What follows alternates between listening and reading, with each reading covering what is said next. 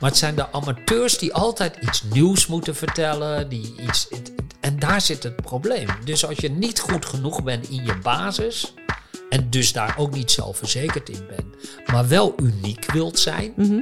Dan ga je zien dat je al heel gevoelig bent om juist dit soort verhalen te omarmen. Hoi, leuk dat je luistert naar de podcast Voedingspraat. De podcast waarin ik, sportdiëtist Esther van Netten, in gesprek ga met andere experts uit de voedingswereld. Vandaag is mijn gast Chi Lu Chu. En Chi is eigenaar van kennisinstituut Chivo. Het onderwerp is de rol van social media en influencers op gezondheid. Chi, welkom. Dankjewel. En Leuk. leuk. om hier weer eens te zijn. Ja, nou, we gaan het vandaag hebben over een onderwerp ja, wat mij gewoon ontzettend intrigeert. En ik hoop de luisteraar ook. Eh, ja, als je aan het scrollen bent op eh, Instagram of je kijkt op TikTok, wat ik overigens zelf niet heb, dat je dan toch over wordt gehaald om dingen te kopen of een app te downloaden. En wie eh, spint er garen bij? Ja, dat is ehm, de influencers zelf, hè, de grote accounts. Dat er groeit een generatie op die meer waarde hecht aan de mening van een knappe BN'er dan aan die van de huisarts. Dus, ik vond dat wel een leuke. En ik dacht, jij bent hier de expert in, vond ik. Mooi. Ja, want jij bent op LinkedIn bijvoorbeeld heel erg altijd bezig om via wetenschap eh, allemaal ehm, ja, theorieën toch goed aan te duiden en uit te leggen. Ik moet zeggen, soms raak ik je een beetje kwijt. Het is niet altijd even makkelijk. Lange verhalen. Ja, maar jij bent wel altijd iemand die de basis ne- wetenschap neemt. Ik dacht, nou ja, met jou ga ik gewoon dit gesprek aan. Ik hoop dat we niet van de hak op de tak vliegen, maar dat is aan mij om dat natuurlijk niet te doen. Maar ja, goed. ehm, laten we bij het begin beginnen, zeg ik altijd maar. Die rol van social media. En eh, hoe we beïnvloedbaar zijn. Waar komt dat, denk jij, door? Nou, allereerst gaat het over feiten. Wat is een feit? Hè? En een feit is een vaststelling van de hoogste betrouwbaarheid. Het is Oké. niet dat het altijd waar is, maar het is wel, het is door heel veel mensen, zeg maar, onafhankelijk vastgesteld. En daardoor nemen we het aan als een feit. Dus als je bijvoorbeeld nooit in Australië geweest bent, dan accepteer jij gewoon dat Australië bestaat. Dat heeft te maken met een paar zaken. Eén ervan is dat ehm, je heel veel signalen krijgt dat het bestaat. Ja. En je krijgt geen tegenstrijdige informatie. Dat het niet bestaat. En als iemand maar vaak genoeg jou steeds vertelt dat Australië bestaat, Ja. en dat ze kangoeroes hebben en koalabeertjes en al dat soort dingen, dan neem je dat gewoon aan. Ook al ben je er nooit geweest, dan kom je er ook nooit. En dat noemt men het illusionary effect. Ja. Als je dat maar vaak genoeg herhaalt, dan ga je ervan uit dat het klopt. Goed. Nou, dan is dat maar duidelijk. En dat is waar sociale media natuurlijk een rol in speelt. Ja. Als je maar vaak genoeg hoort dat het zo is, dan ga je aannemen dat het klopt. En waarom spreekt dus eh, het, het een jou meer aan dan het ander? Ik bedoel, nou ja, jij en ik maken ons heel hard om eh, toch via de wetenschap op gebied van voeding en gedrag eh, naar buiten te brengen. En dan scroll ik weer een rondje op Instagram en dan zakt af en toe echt de moed in mijn schoenen. Dat ik denk, hoe kan het toch dat je daarin gelooft? Nou, er zijn eigenlijk drie groepen die zich aangetrokken voelen tot, eh, tot dit soort verhalen. De eerste groep is de jongere groep. Die zijn namelijk nog bezig met het vormen van hun identiteit. En vroeger was het eigenlijk vrij simpel. Je deed gewoon wat je pa deed en je ging in die voetsporen of wat je moeder deed. Ja. Ja. En jouw ouders waren jouw rolmodel. Dat was eigenlijk de basis. Ja. En nu hebben we door technologie en welvaart hebben we veel meer keuzes gehad. De wereld is heel veel complexer geworden.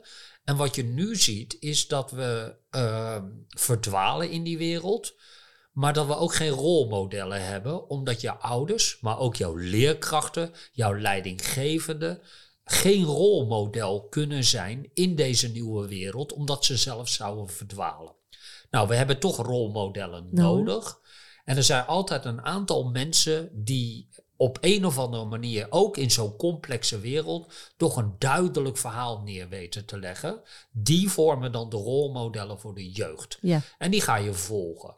Dus dat is, dat is één. Ja. Andere groep is een groep die teleurgesteld is in het leven, Ja. in de zorg, in de overheid enzovoort. Die groep is ook. En dan heb je nog een groep die vindt het heel belangrijk om uniek te zijn.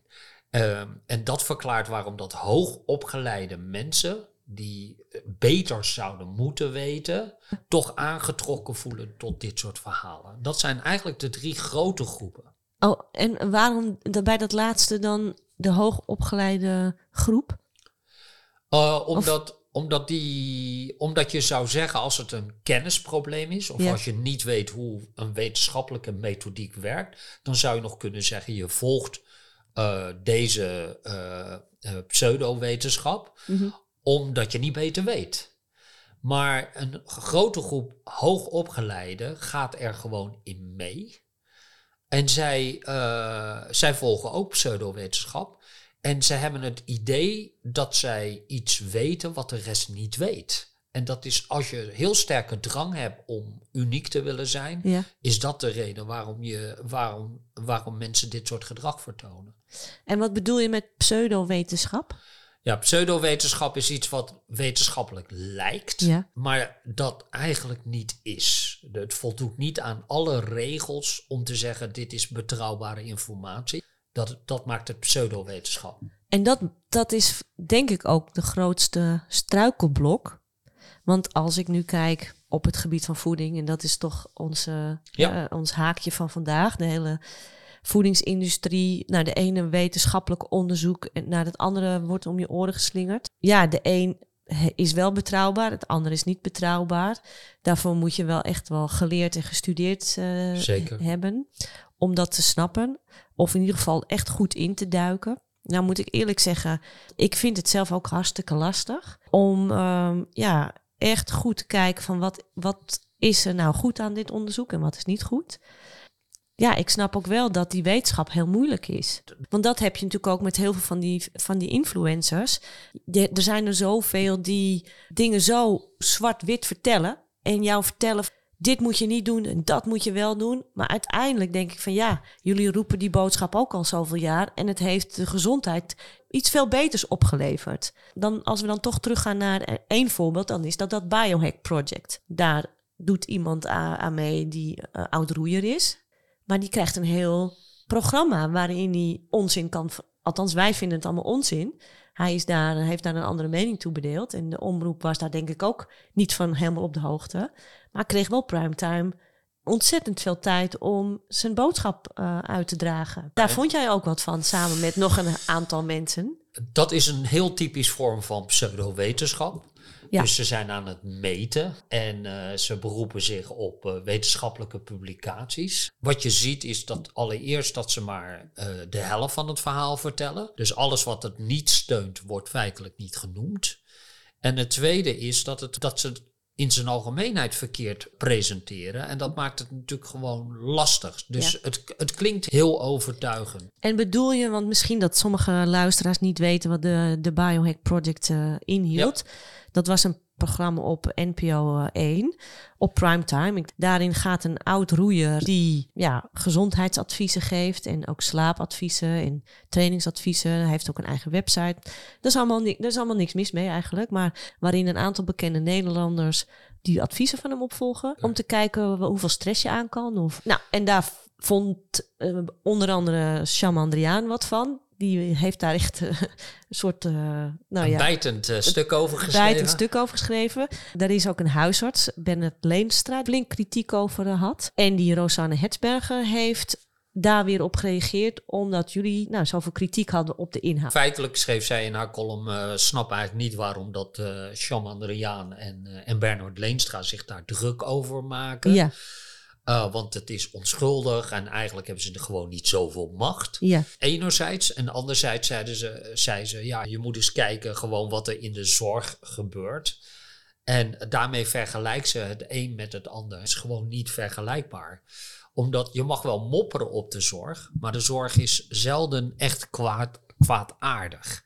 En dit soort dingen kunnen echt uitmonden tot kwaadaardigheid. En ik gaf een voorbeeld in mijn post. Soms in callcenters beland, waar supplementen worden verkocht. Mhm.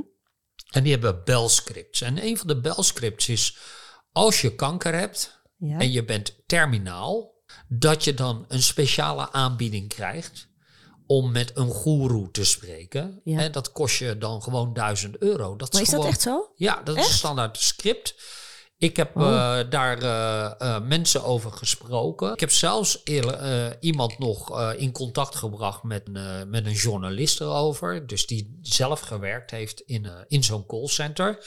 Maar die wil alleen auto, anoniem iets zeggen omdat er een contract is dat je een geheimhoudingsplicht hebt. Echt? Ja, Oh. dus dat soort zaken gebeuren aan de lopende Bij één bedrijf of bij meerdere bedrijven, denk jij? Nou, bij deze in ieder geval bij één bedrijf. Ja. Eh, maar het is wel iets wat ik vaker hoor. Maar dit is, dit is zo concreet tot en met welke bedragen er gevraagd wordt. Tot en met het kunnen oplezen van het belscript of van het, van het script wat ze moeten vertellen aan zo'n persoon. Wow. En dat betekent dat er een heel grote uitbuitingsindustrie omheen gebouwd is. Die eh, meegaat het legitimeren van pseudowetenschap. Ja. Dus door te zeggen, nee, dit is echt en dit is hoe het werkt. En, en artsen hebben daar geen verstand van. Eh, en wij kunnen dit voor je oplossen. En dan moet je vervolgens je portemonnee leegtrekken. Dat is dus verre van onschuldig. En als je niet bekend bent met die wereld, eh, zoals Rosanne Hertzberger, dan denk ik dat het gewoon beter is om niet daar een, opinie over te schrijven in een landelijk dagblad. Ik heb podcastafleveringen geleden aflevering gemaakt over magnesium. Toen zei iemand tegen mij van ja, je bent tegen supplementen, dat merk ik. En eh, eh, wat is je onderbouwing? Wat je wel krijgt nu, doordat er meerdere mensen tegengas gaat geven, is dat eh, supplementenwereld bijvoorbeeld, die heeft altijd maar gewoon zijn ding kunnen doen. En die krijgen nu een beetje tegengas en daar gaat mijn verdienmodel bijvoorbeeld. Als jij natuurlijk een- een magnesiumtabletten daarvan moet leven, van de verkoop. Nou, ja, zeker. Ehm, maar eh, eh, dat gaat dan nog over geld. ja, Maar Of wat je ook ja. veel ziet, is dat mensen hun identiteit eraan ophangen. Kijk, je, en die vind ik interessanter, denk ik hoor. ja, ja. eh, dat haakt bijvoorbeeld aan op uniek willen zijn. Mhm. Eh, iedereen wil eigenlijk uniek zijn. Iedereen wil een beetje speciaal zijn. Ja. Al is het voor een kleine groep mensen die je lief hebt. Maar in de basis wil je natuurlijk gewoon eh, speciaal zijn. Nou, sommige mensen hebben, dat, hebben die drang meer. En die gaan al heel snel van het, de gebaande paden af, omdat ze uniek willen zijn. Is dat zo? Ja, dat is, dat is hun weg. Dat is feitelijk de gemakkelijkste weg. En dat zie je ook heel vaak terug in zogenaamde mensen die consensus wantrouwen. Dus datgene wat we, waarvan we de meeste experts denken dat dat goed is, hè, de consensus. Als ze dat gaan wantrouwen, zo'n Cruyffiaanse uitspraak. eh, je ziet het pas als je het door hebt en zo. Daarmee geven ze heel duidelijk aan dat de rest domme schapen zijn. Die het allemaal niet begrijpen, die gewoon meegaan met die autoriteit. Eh, dat noemen ze dan eh, groupthink. Dus je bent gevoelig voor wat de groep vindt. Ja. En zij zijn uniek. Eh, dat gebeurt heel veel. En een groot deel van de mensen is daar eh, gevoelig voor. Het maakt niet uit of je arm of rijk bent. Maar we zien het, dat dit al heel lang aan de gang is. Je ziet het, er is niet voor niets dat eh een derde van de HBO geschoolde eh, vrouwen gebruik maakt van alternatieve therapie. Dat is al heel lang zo. En dan bedoel je ehm, alternatieve geneeswijzer? Of- Ja, dus homeopathie en... Een eh, derde? ja, een derde. En dat is in Nederland eerlijk gezegd nog relatief laag. Dit speelt al een hele lange tijd. Alleen er, is, er zijn een paar dingen veranderd. Mag En- ik nog even één ding Ja. vragen? Wanneer ga je meer die kant op? Is daar ook onderzoek naar gedaan? Ja, er zijn een aantal redenen voor. Eén ervan is dat je controle terug wil. Dus stel je hebt een aandoening Ja. waar op dit moment geen duidelijke oplossing voor is. Mhm. dan verlies je controle. Er zijn, en er zijn twee manieren om controle te, eh, terug te winnen. De ene is accepteren dat Mhm. er op dit moment geen oplossing is. Dat is de moeilijkste weg, maar eentje die, die feitelijk het beste is. En de andere weg is dat je gaat zoeken naar een verhaal wat je jezelf kunt vertellen, waarmee je wel controle terugkrijgt.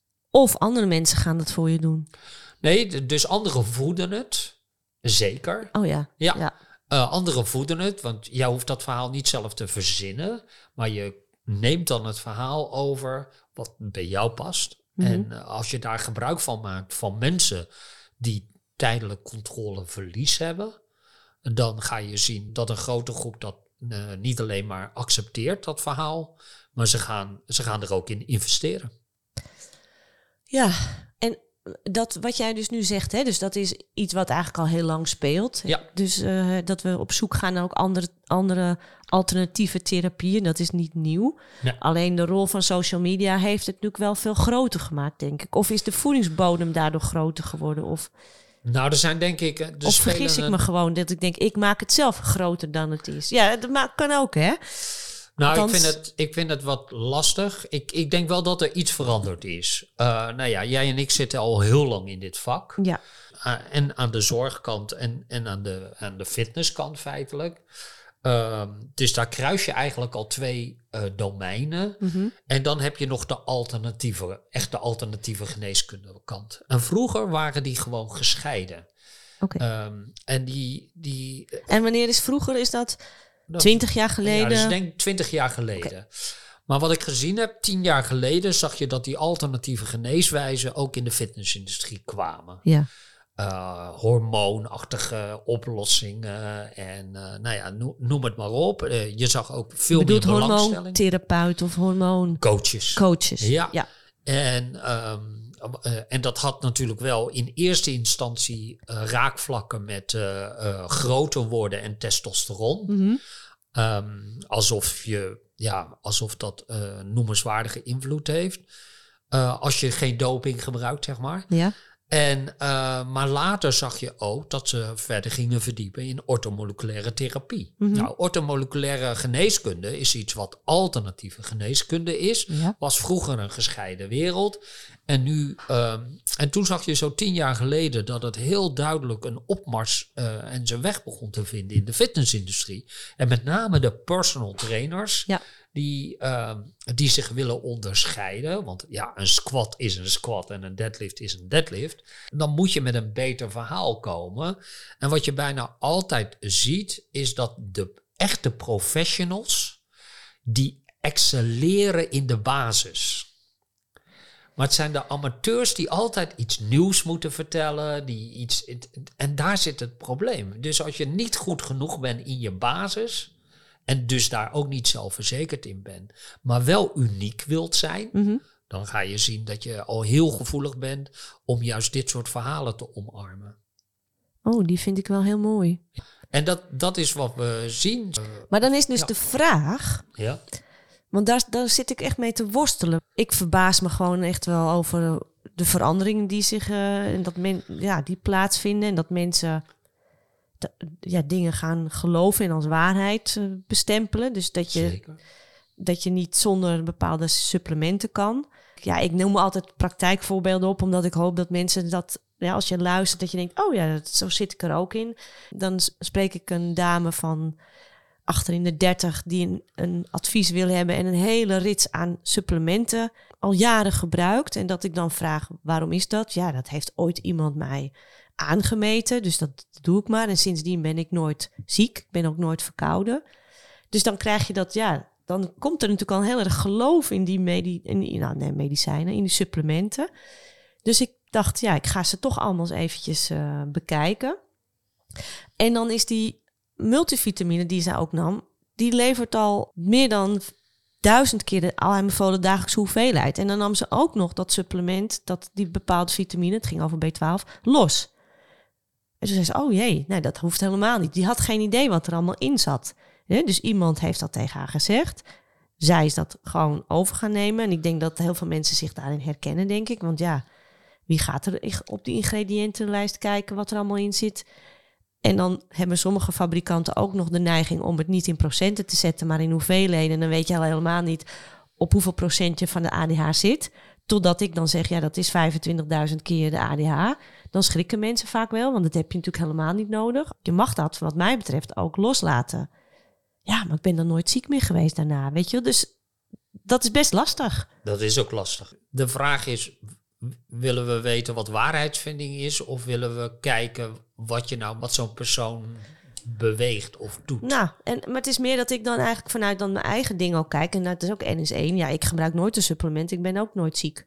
Dus, Nee. dus ja, ja, en welke waarheid is nou waar, weet je wel? En, dus ik snap wel dat het voor mensen heel moeilijk is. En dat dan wanneer er dan zo'n test voorbij komt op Instagram... en ja, de vrouw van Arie Boomsma eh, maakt daar reclame voor. Want ik had gisteren ook op mijn Instagram gevraagd... eh, hoe beïnvloedt social media jouw gezondheid? En toen kreeg ik echt prachtige reacties van mensen. Echt ontzettend veel, dank daar ook voor.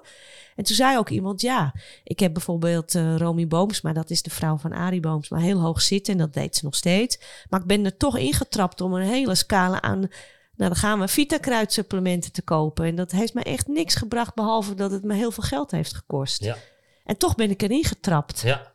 Nou, dat vind ik, dat blijft natuurlijk iets wonderbaarlijks. En wat je bijna altijd ziet is, we voelen ons eh, op sommige dagen beter en op sommige dagen slechter. Ja. En soms zijn dat langere perioden waarin je je beter voelt en slechter voelt.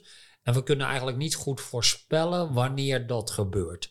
Nou, als je net die dag eh, supplementen koopt, eh, dan wordt het, en je gaat ze slikken, Ja, en, en het wordt beter, dan ga je dat koppelen aan die supplementen. En wat ook meespeelt, is dat je overweegt om supplementen te kopen. En je hebt dat natuurlijke verloop. Hè? Het wordt slechter, slechter, slechter, slechter, slechter. En dan wordt het weer beter, beter, beter, beter, beter. En dan wordt het weer slechter, slechter. Dus dat golft. Hè? Ja. Dus wanneer, eh, als je het al overweegt, wanneer besluit je dan om die supplementen te kopen? Nou, dat is op het moment dat je rock bottom zit. Dus als je je op je slechtst voelt, koop je ze. En eh, als dat dan. ehm, maar als daarna een fase komt waardoor het weer beter wordt, wat een natuurlijk verloop Ja. is, dan kun je het heel snel toeschrijven aan, eh, aan de supplementen. En dat wil niet zeggen dat je je beter voelt, maar het is relatief. Ja, dus als je. wat bedoel je met relatief? Nou, relatief is dat je op dat moment op het aller, aller slechtste punt zat. Ja. En dan is elk klein beetje verbetering voelt als een grote verbetering. Ik zeg altijd, als je uit de hel komt, dan is de Sahara cool. Dat is relatief, want de Sahara is nooit cool.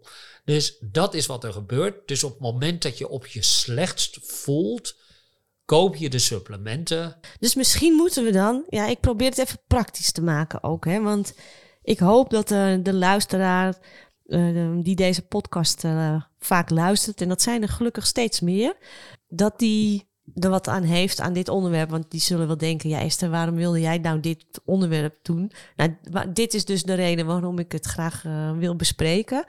En, ten eerste, je, je bent niet de enige. We trappen er eigenlijk allemaal in. En jij zegt, je trapt er vaak in en dit soort dingen op je allerslechtste moment. Als je heel kwetsbaar bent. bent en kwetsbaar bent. En, en dat is wat, wat mij namelijk altijd zo bakkers irriteert. Mag ik dat even zeggen? Die kwetsbaarheid. Want dat zie ik ook aan mensen. Dat wanneer ze natuurlijk... Ja, wanneer je kwetsbaar bent omdat je heel veel pijn hebt... dan wil je, heb je er alles voor over om van die pijn af te komen. Maar als er een pilletje was, wat, ja, dan hadden we die natuurlijk gewoon gegeven. Ja. En dan gaan we toch zoeken. En dat is denk ik mens eigen. En Jij dan, wil controle terug. Autonomie is een basisbehoefte. Ja. Dus dat jij, dat jij keuzes kan, dat jij het idee hebt dat je controle hebt, Mhm. dat is een onderdeel daarvan. En het tweede is dat jij keuzes kunt maken in lijn met je waarden. Dus wat jij belangrijk vindt.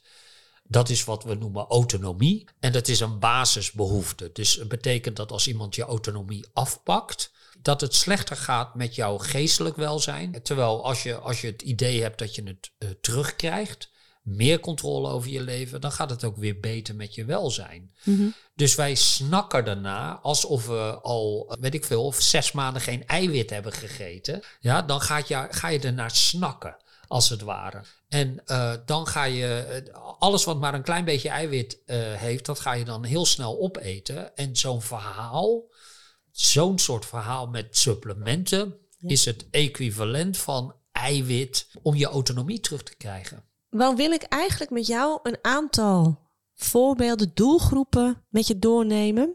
die ik veel zie bij mij in de praktijk. Ja.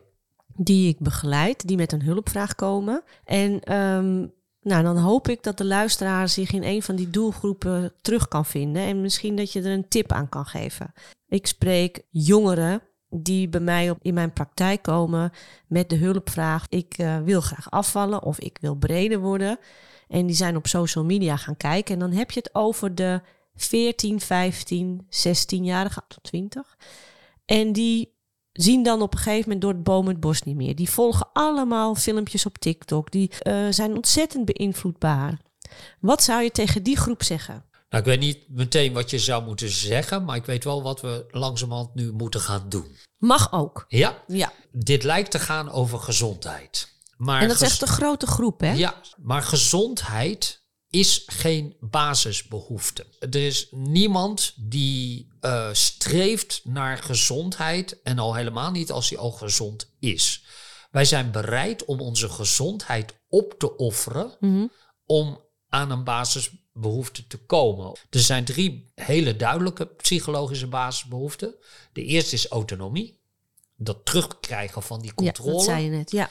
De tweede is competentie. Ja. Dat is gewaardeerd worden, ergens goed in zijn, zeg maar. Mm -hmm. En de derde is sociale verbindenis.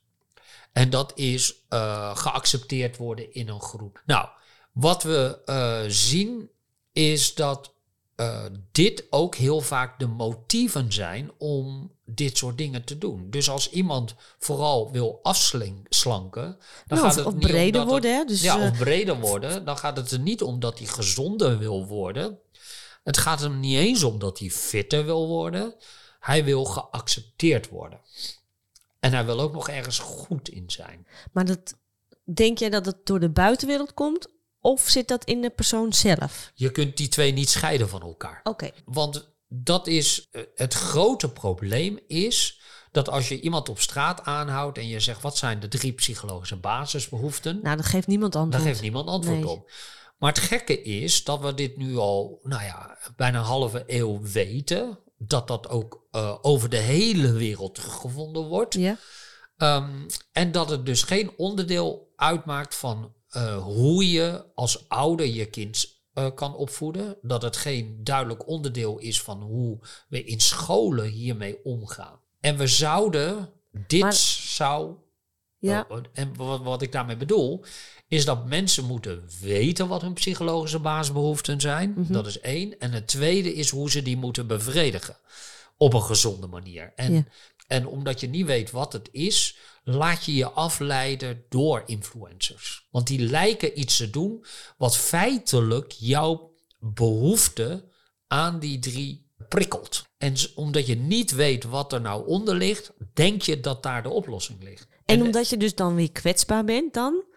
Ja, maar dit geldt voor heel veel mensen. Zeker, maar ik, dit is de, de groepen die mij opvallen, althans Ja. die bij mij komen, dat zijn eh, jonge sporters, Ja. eh, jonge mensen die veel bewegen, misschien wel te veel bewegen. Ja, te veel is misschien een beetje. Ik ben blij dat ze bewegen, maar en dan moet je denken aan dat ze elke dag verplicht moeten bewegen, ook van zichzelf en door door de TikTok-filmpjes en Instagram-filmpjes elke dag ook die prikkel krijgen van ja, want als ik het nu niet doe, dan, hè, dan haal ik mijn doel niet. Of dan Precies. word ik niet sterker. Of terwijl je weet dat als je sterk wil worden, heeft je lichaam ook rust nodig en slaap en nou, nog veel meer facet. Nou, dat is een, een groep die mij ontzettend intrigeert en ook eh, raakt, omdat ik de negatieve kant daar natuurlijk in terugzie. Van jongens en meiden met eetproblemen en te veel sporten, eh, oververmoeid zijn, eh, niet meer goed kunnen functioneren. Ehm, die groep is groter aan het worden. Nou, dat maak, ja, daar maak ik me wel zorgen om. Ook omdat ik zelf natuurlijk eh, moeder ben. Is het met jongeren ook zo, omdat die hersenen natuurlijk nog niet, die zijn nog niet af, dat ze daardoor nog kwetsbaarder zijn, omdat ze eh, nog zoekender zijn, nog meer zoekender Zeker. dan wanneer je wat ouder bent. Want dit gaat dan over identiteitsontwikkeling. Precies. Ja. Dat is dan nog een stukje wat erbij komt. Ja, je wil je identiteit vaststellen en, eh, ehm, en je identiteit vloeit gewoon voort uit het bevredigen van die, van die Basisbehoeften. Ja. En omdat je niet weet hoe, eh, probeer je van alles. Ja. En sommigen raken dus ook die psychologische basisbehoeften. Die voelen dan ook goed.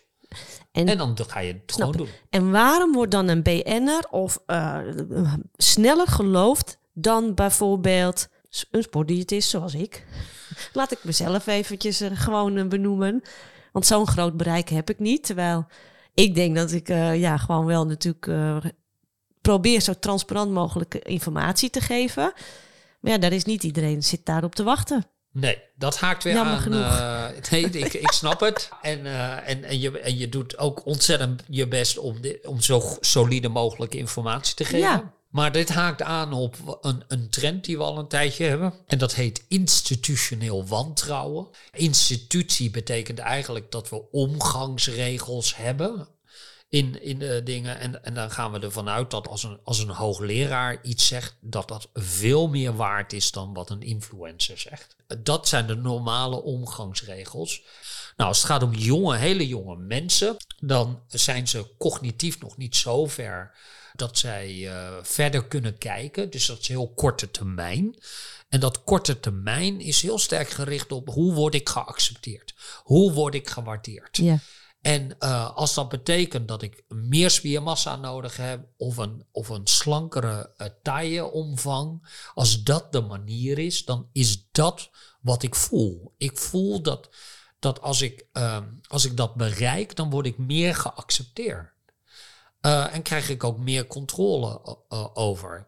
En een van de redenen waarom ze in de problemen komen, waarom zijn hun basisbehoeften gefrustreerd? Dat heeft te maken met prestatiedruk. Daar mm -hmm. zijn nu heel veel rapporten over. over.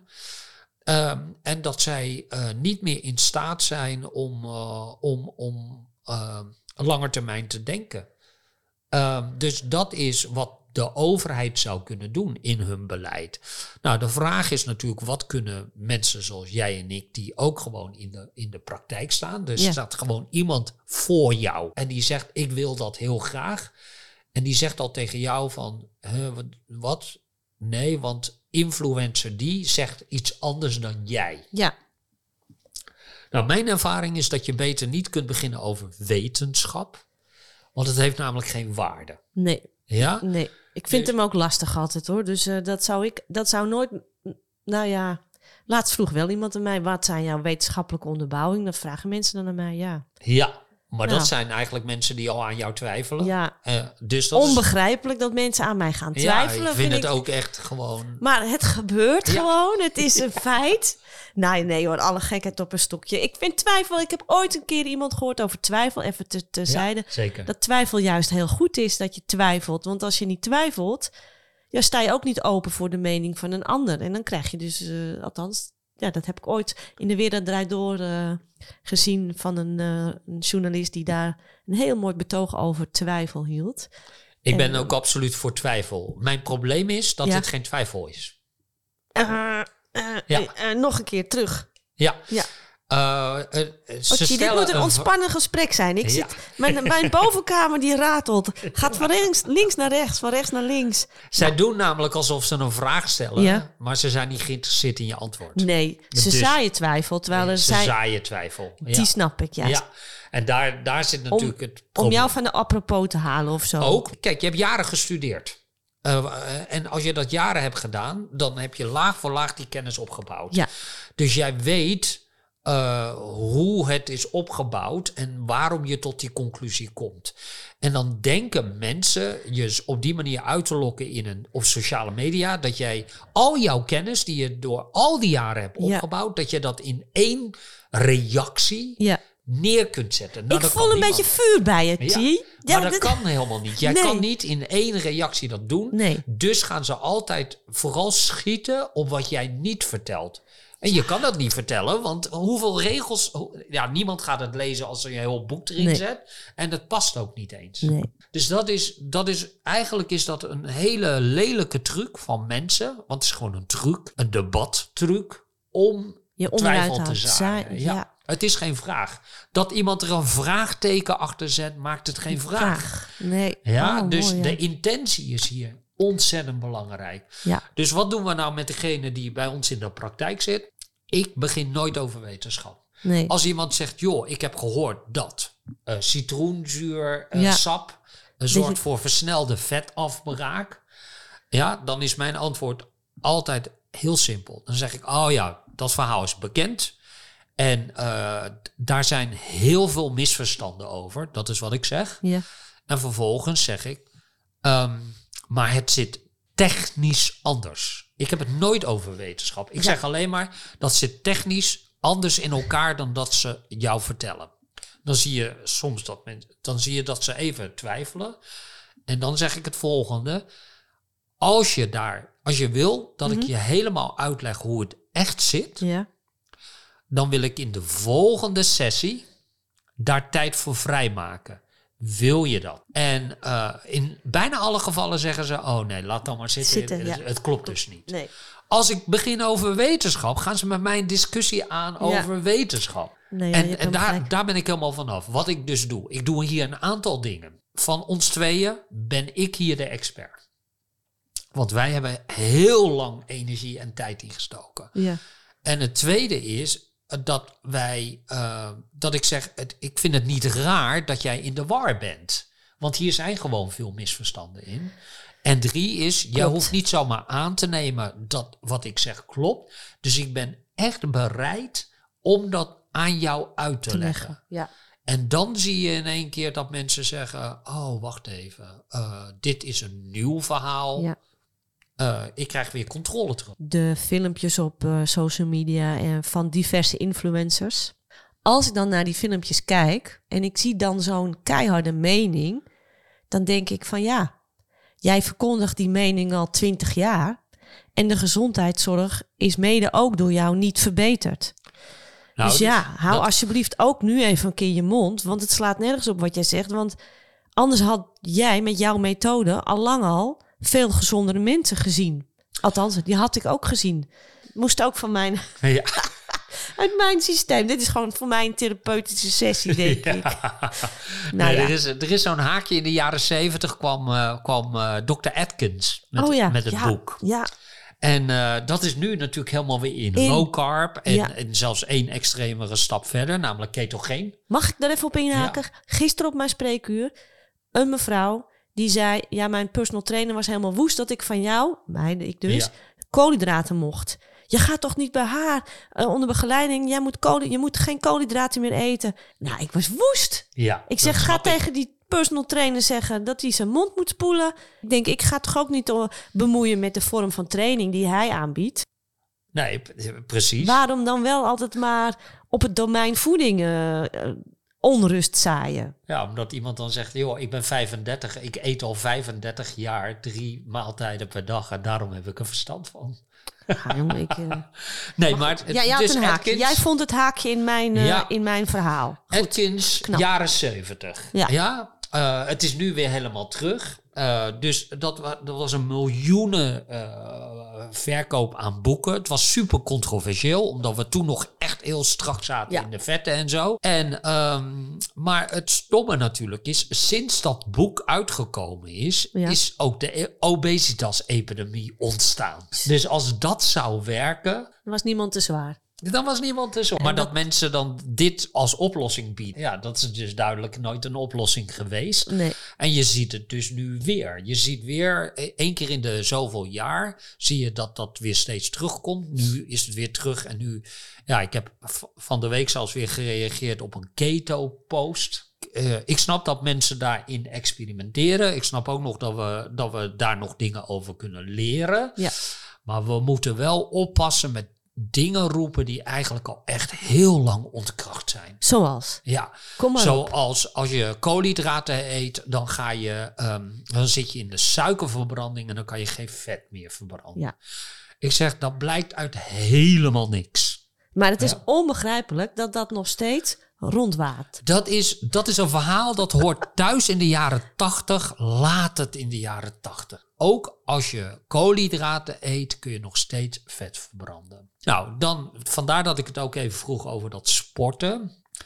Eh, want het werkt ongeveer goed tot, nou ja, dan moet het een beetje technisch worden, 60% van de Ja. VO2 max. Ja. Dan kan jij prima fietsen. Ja. Maar ga jij daarboven, Nee, ben je klaar? dan is het gewoon klaar. Ja. Ja, dus als jij zegt, ik wil eh, geen topprestaties leveren, gaat het niet werken. Het werkt zelfs niet in een, in, een, eh, in zo'n Ironman of zo, waar het tempo natuurlijk lager is, omdat je 100 kilometer in moet Nee, rennen. ja, je bent veel te lang bezig ervoor. Ja, Ja, je hebt dus- gewoon die suikers nodig. Dus het, eh, ook daar zie je het niet werken. Dus laten we niet net doen alsof, alsof je eh, daarmee eh elite prestaties gaat halen. Nee. Eh, maar als jij zegt, ik wil gewoon normaal kunnen bewegen. Nou, na een adaptatietijd. Dus als je, eh, je, als je alle koolhydraten schrapt, dan ga je zien dat je brein even moet aanpassen. Ja. Ja, dat noemen we dan een ketomist. Veel mensen hebben daar last van. Niet iedereen, maar de- veel mensen wel. Ja, en dan, en dan kun je inderdaad prima nog dingen doen. Ehm, dan heb ik nog, want we hadden het net over de jongeren als laatste. Dat gebeurt ook wanneer je natuurlijk gewoon wat ouder wordt. Ehm, dan ben je ook zoekende. Bijvoorbeeld mensen met pijn, mensen die. Je, je bent vaak die kwetsbaarheid. Dat is wel een, een heel duidelijk eh, gegeven. En ga je zoeken. En als laatste, dan ga je zoeken op, op die social media kanalen. Want we hebben allemaal wel dat we ergens iets voorbij zien komen. En wat ga je, wat is jouw advies om ervoor te zorgen dat je je niet daarin gaat verliezen? Ja, Aan de je mag mensen, even nadenken. Hè? Ja, maar de mensen eh, zelf die daarin. eh, Ja, want ik denk dat- Of de begeleiders. Nou, allebei. Want ik heb bijvoorbeeld ehm, mijn luisteraars, dat zijn gelukkig van jong naar oud. Ook sporters, ik, dat is altijd wel mijn rode draad.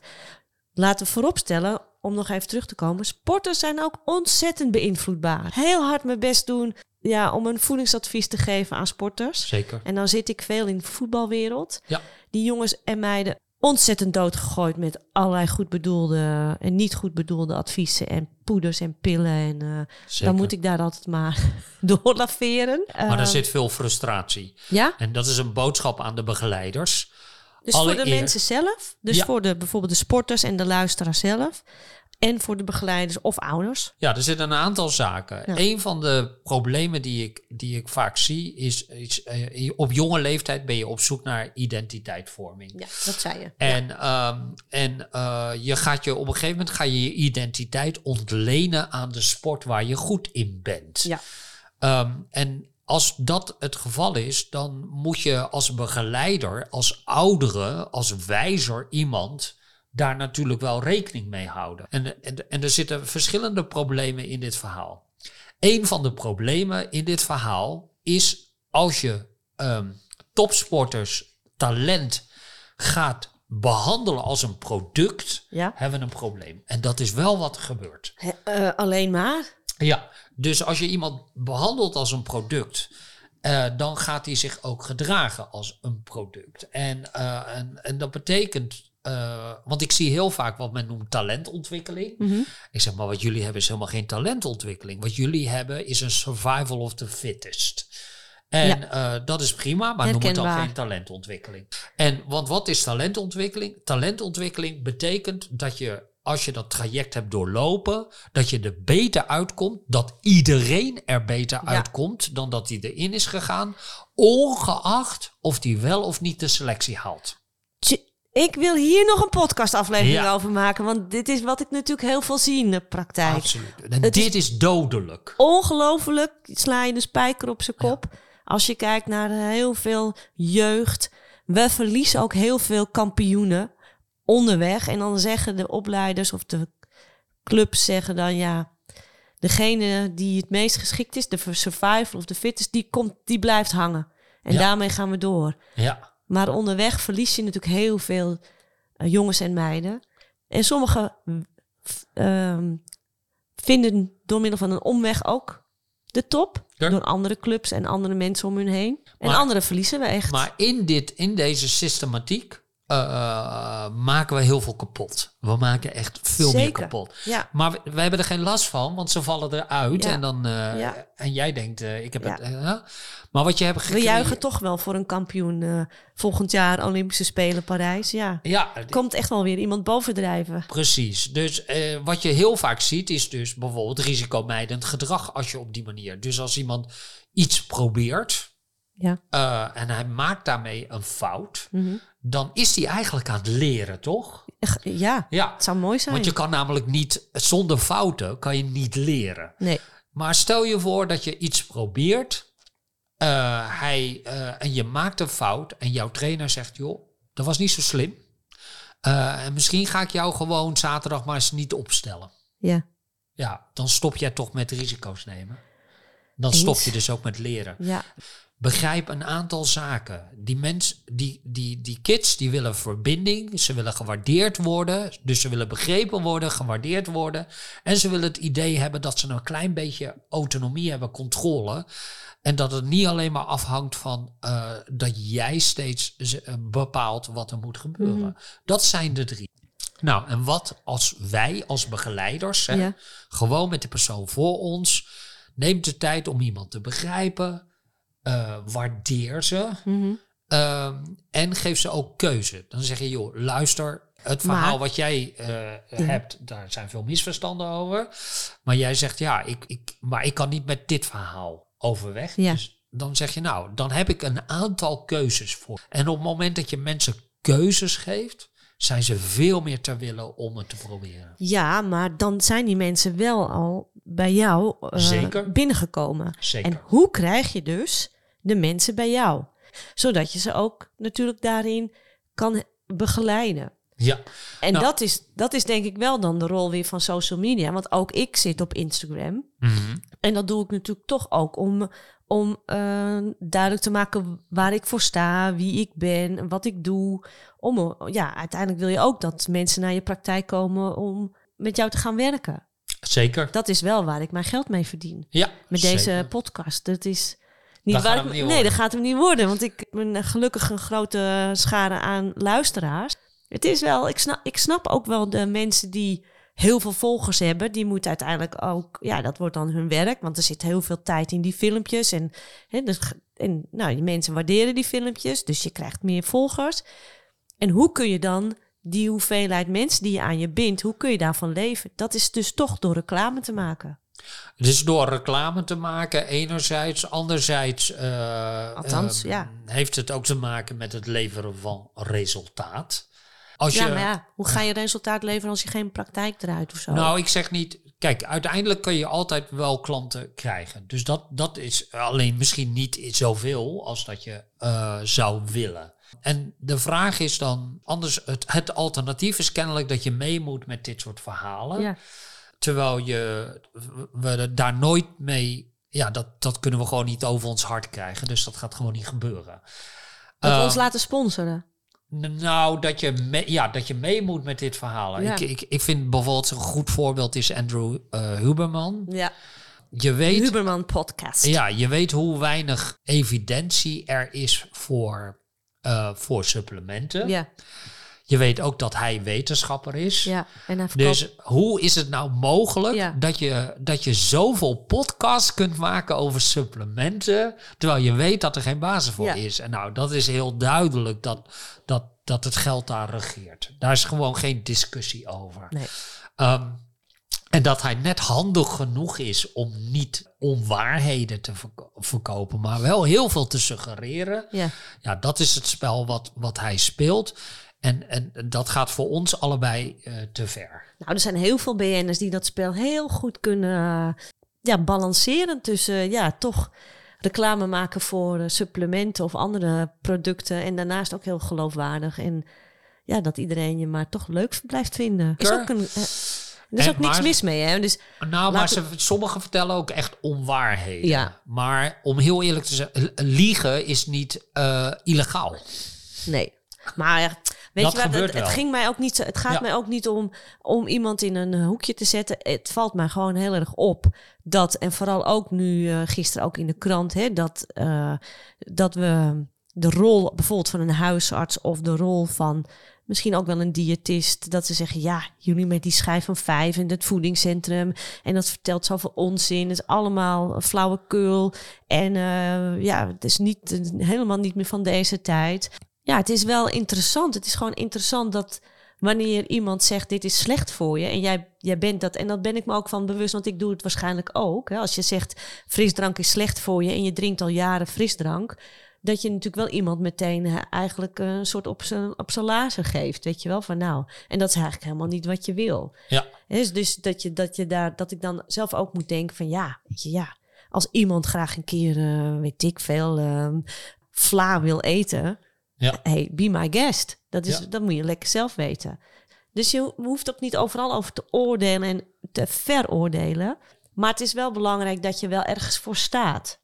Ja, als iemand mij nu probeert onderuit te halen omdat hij vindt dat ik niet gelijk heb, nou ja, dan denk ik van ja, je hoeft het ook niet met me eens te zijn. En Nee. ik, ik, ik wil ook graag met iemand in discussie om met elkaar te bespreken van nou, wat, wat, ja, waarom ik hiervoor sta. En nou, dat iemand anders over iets anders mag denken ook goed. Ja. die, die discussies zijn vaak zo onaardig en helemaal niet leuk.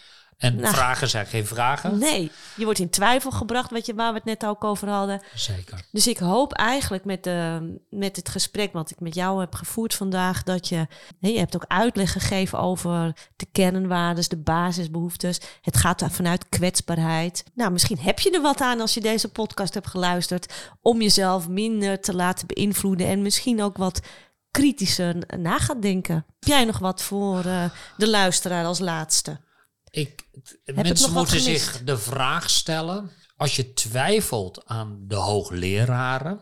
En die zijn niet allemaal foutloos, hè? Dus, want dat zijn ook gewoon mensen. Maar Ja. als je twijfelt aan wat de meeste hoogleraren vinden. Ja, En je, eh, en je gaat dat afzetten tegen influencers. En je denkt dat die meningen gelijk zijn. ja, dan moet je bij jezelf afvragen waarom jij dat denkt. ja, En of er dan niet iets anders speelt bij jou. En ik denk dat, dat, dat je daar beter naar op zoek kunt gaan.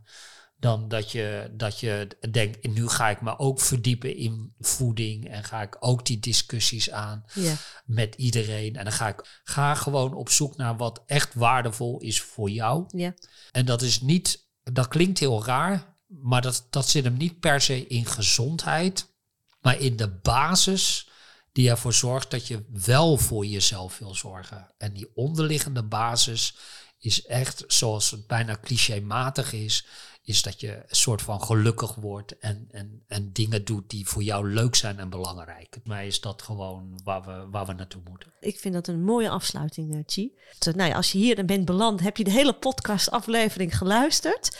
Ehm, er is heel veel de revue gepasseerd. Ik wist gewoon dat het... Ja, dit is een onderwerp wat mij gewoon heel erg bezighoudt. Ik heb er ook het antwoord niet op. Jij hebt wel hele mooie, Chi, mooie tools meegegeven voor het luisteren van deze hele aflevering. Chi, dank voor al jouw input. Als Graag mensen gedaan. nog wat meer over jou willen weten, waar kunnen ze jou vinden?